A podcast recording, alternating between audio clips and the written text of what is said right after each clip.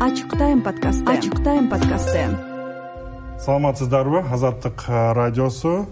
Атайын өзүнүн вебкам студияларынын караңгы жагы тууралуу иликтөөсүн чыгарды. Видео иликтөө биз азыр студияда ошол иликтөөнүн автору улан асаналиев менен биргеликте кесиптешим менен биргеликте ошол иликтөө тууралуу баарлашабыз деп отурабыз. Кош келипсиң бишкек студиясына. Рахмат.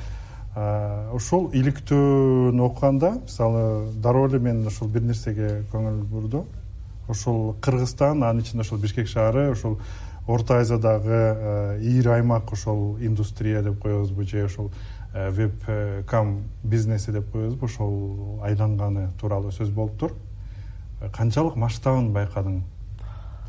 Вебкам бизнесин негизи эле ушул арея деп айталы кыргызстан менен казакстан деп айтсак болот да анткени негизги э, чоң хаб шаарлар катары бишкек жана алматы шаарлары эсептелет экен.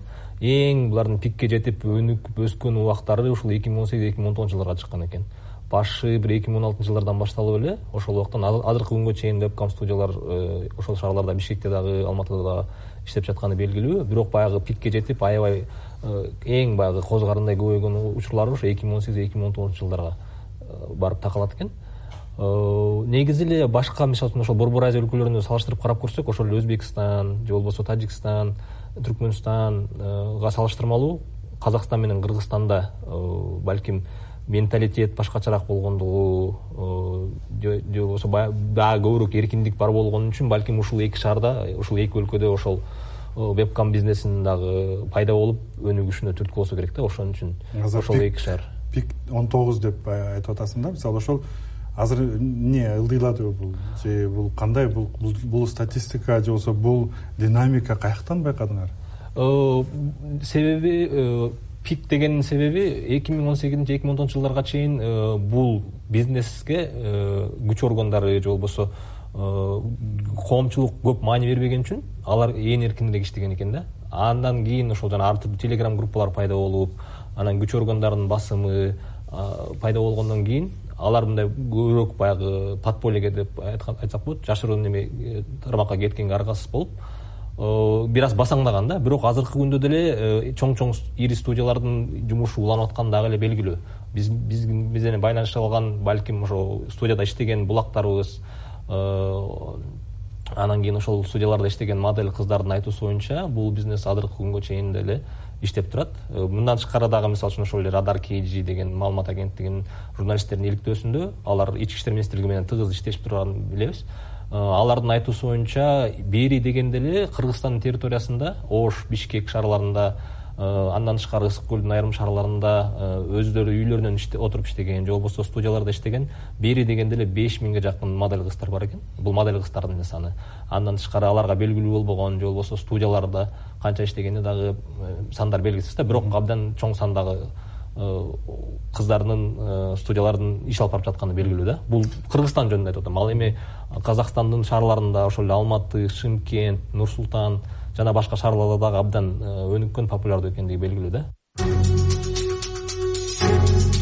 Өзүм да аябай коркуп аткам. Кокус менин сүрөт видеолорумду да ушинтип салып жиберсечи ата энеме тааныштарыма. И когда модель говорит что она хочет уйти модель кетем деп чыкса студия анын мурдагы видео жана сүрөт скриндерин өзүнө каршы колдонобуз деп коркутушу мүмкүн. Эң башкысы модельдерди акчага байлоо. Биздин бир моделибиз жүз миң сомго иштөөгө макул болду. Менталитетибизге жараша эл эмне дейт деген сөзгө жараша анан тууган урук эмне дейт э, көзүн кантип карайм бетин кантип карайм деген негизде э, уялганынан коркконунан ошентип иштерин уланта беришчү да. Мои родители сказали что ата энем ажарын асынып алганын айтышты. Он тогуз жашта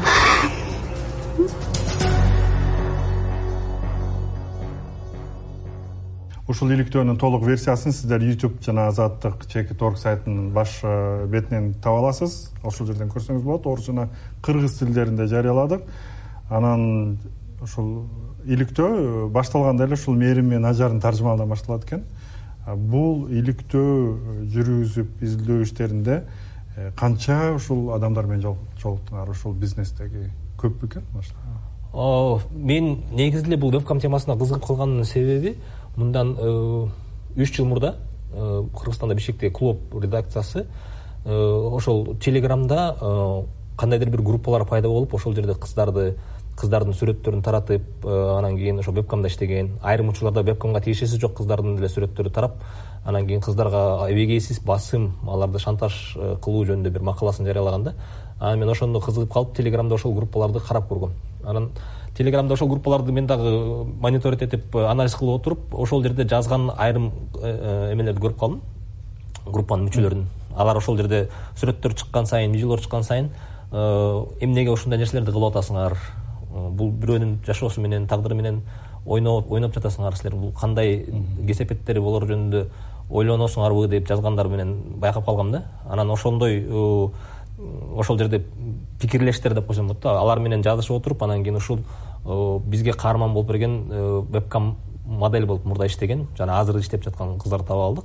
Андан тышкары бизге камерага эркин интервью бергенге макул болбогон бирок өзүнүн ошол тажрыйбасы жөнүндө айтып берген телеграм аркылуу же болбосо башка бир социалдык тармактар аркылуу байланышкан жолугуп сүйлөшкөн бир баш аягы оңго чукул. Ошо модель болуп иштеген мурда иштеген жана азыр иштеген кыздар балдар менен пикир алышып байланыштык. Ошонун ичинен экөөсү бизге ошо интервью берип бирок ошол ошол убакта дагы өздөрүнүн коопсуздугун ойлоп алар мындай ачык ээн эркин пикирин оюн өз тагдырын айтып берүүдөн тартынышат да. Түшүнүктүү. Вебкам бизнеси менен ошол жерде студияларда болдуңарбы кандай кандай жерлерде орун алган алар? Эми студиялардын көпчүлүгү эле э, э, бишкектин тегерегиндеги айрым учурларда э, особнякта деп коебуз го ошондой үйлөрдө же болбосо квартираларда деле иштегендер. Мен ошол студиялардын ичинде студиялардын биринде иштеген оператор менен жолукканымда ал мага ошол өздөрү иш алып барган студияны көрсөттү. Ал жерде он чакты кыз иштейт экен. Бирок алар ошо беш кыз бир сменде беш кыз бир сменде болуп алмашып бишкектин микрорайондорунун бириндеги эле үч комнаттуу квартира ошол жерде иш алып барышат. Ошол сыяктуу эле. Алматыда же болбосо ошто мисалы үчүн көлдүн чолпон ата кара кол шаарларында дагы ошондой студияларда иш алып баргандар бар. Көпчүлүгү бирок баардыгы ошо бишкек ош шаарларында да?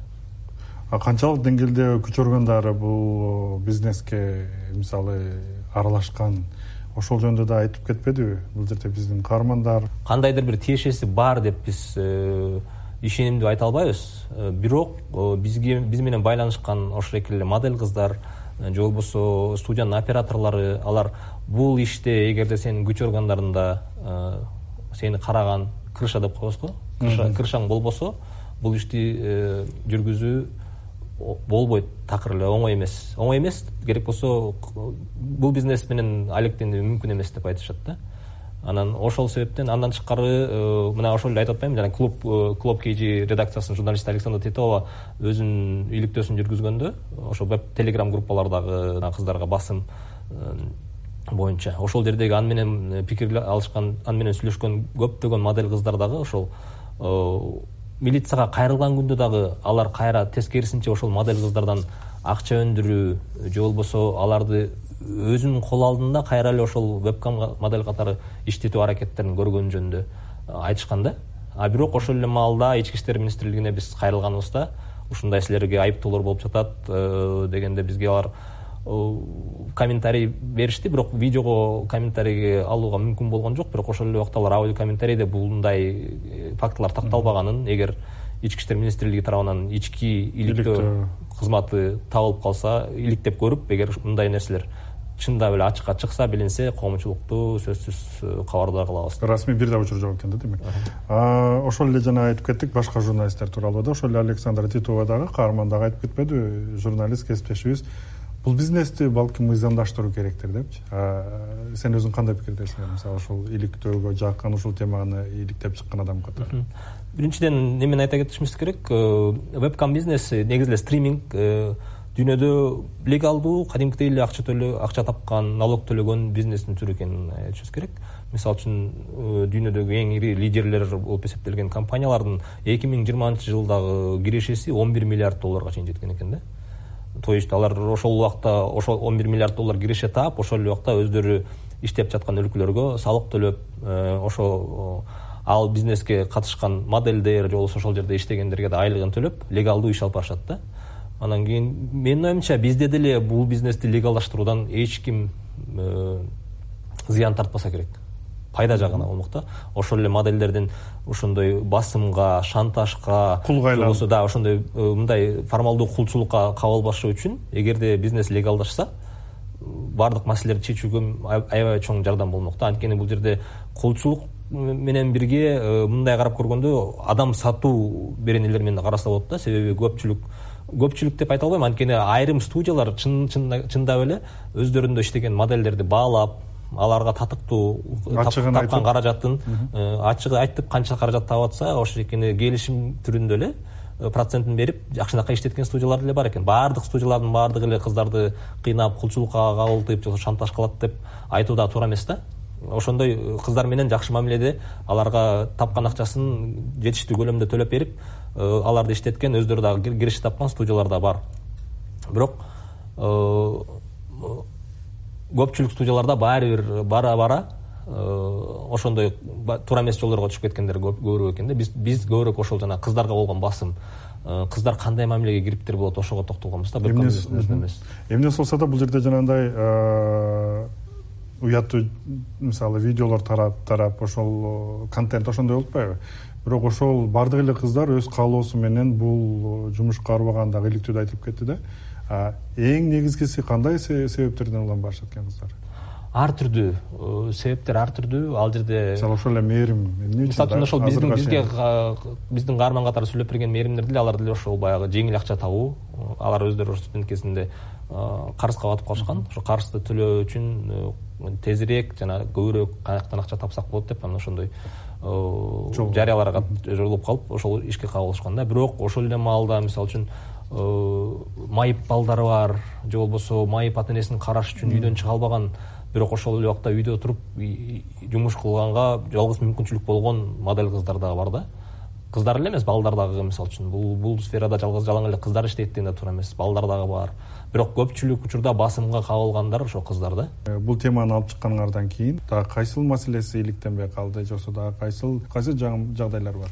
Биз э, бул иликтөөдө негизинен Э, ошо кыздардын тагдырларына э, көңүлдү ошол жака негизги көңүлдү ошол жака бурдук. Кыздар кандай тагдырларга кабылып жаткандыгы мисалы үчүн биздин ошо каарманыбыздын айтуусу боюнча анын эң жакын курбусу ошол э, эмеде студиядагы өзү иштеген студиядагы администратордун басымы акча төлөбөй шантаж кылып анан кийин ошо жакын өзүнүн жакын кишисине сүрөтүн жибергенден стресстен улам өзүнүн жанын кыйганы жөнүндө айтып атат да. Э, жана мындай тагдырлар ондоп саналат. Эми мен э, жанын кыйгандар жөнүндө айткан жокмун ошондой шантажга кабылгандар э, ошо студиянын администраторлору тарабынан же болбосо ошол жана телеграм группалардагы ошолордун мүчөлөрү тарабынанчы. Биз ошол кыздардын кандай тагдырга кириптир болуп жаткан жөнүндө коомчулукту кабардар кылгыбыз келди. Анткени бизде вебкам десе эле кыздарга болгон мамиле бир кыл да алар аябай ыплас жолдо акча табышат антет мынтет деп баягы моралдык бизде баягы бар менталитет бар да ошол менталитеттен менталитеттен э, тышкары ага мындай төп келбеген э, кандайдыр бир кыймыл болсо биз ошо бизде коомчулук ошол экен аябай мындай э, салмактап карап көрүүнүн ордуна тытып жеп койгонду жакшы көрөбүз да. Анан кийин бирок ошол жерде кыздар кандай тагдырга кириптир болуп атканы жөнүндө алар ал жерде акча эле таап эмес ар кандай ошондой кандай десек оор кесепеттерге тагдырга тушуп калатканы жөнүндө такыр ойлонбойбуз да. Биздин иликтөөнүн негизги акценти ошо кыздардын тагдыры болду. А бирок вебкам тармагындагы иликтей турган менин оюмча абдан көп жактар бар. Алсак ошол эле мисалы үчүн кыргызстан менен казакстанда канчалык акча айлангандыгы жөнүндө да финансы.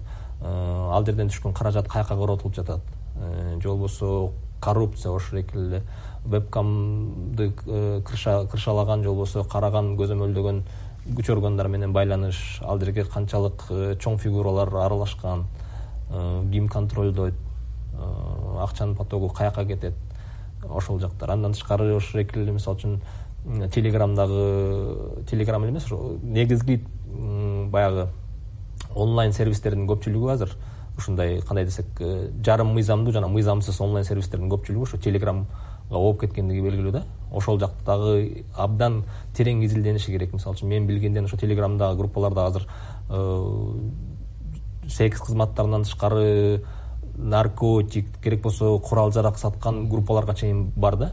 Ошол жак эч ким тарабынан көзөмөлдөнбөйт эч ким тарабынан изилденбейт. Ошол эле мисалы үчүн биз тиги ички иштер министрлиги менен сүйлөшкөнүбүздө кыздарды шантаж кылган телеграм группаларга мониторинг жүргүзүлөбү ошол боюнча кандайдыр бир иштер жүргүзүлөбү дегенде мындай бир жыйынтыктуу бир жооп ала алган жокпуз да ички иштер министрлигиненчи демек алардын ошол мисалы үчүн группаларды мониторинг кылып ал жакта эмне болуп жатканы жөнүндө кабардар экендигине мен мисалы үчүн толук ишене албайм. Ошол нерселер мисалы үчүн иликтенип э, журналисттер тарабынан эмне болуп жаткандыгын ошол онлайн базарда дагы көп көп чыгарылышы керек деп эсептейм рахмат улан. Сизге рахмат. Э, көрөрмандар биз ушул э, кыргызстандагы вебкам студиялардын караңгы дүйнөсү деген биздин ошол сайтыбыздын азыр башкы бетинде турат. Иликтөөнү кирип э, текст түрүндө да окусаңыз болот. Андан сырткары эки тилде биз видео иликтөөбүз жарыяланган. Ютубтагы азаттык деген каналыбыз. Ошондой эле азаттык чекит орг жана башка социалдык тармактагы баракчаларыбыздан кирип көрсөңүз болот. Өзүңүздүн да пикириңизди жазыңыз. Биздин студияда ушул иликтөөнүн автору улан асаналиев болду. Ушул теманы алып чыгып аны иликтеп аягына чыгарган жана мен э, сабыр абдымомунов болдум. Эсен туруңуздар. Ачык тайм подкасты. Ачык тайм подкасты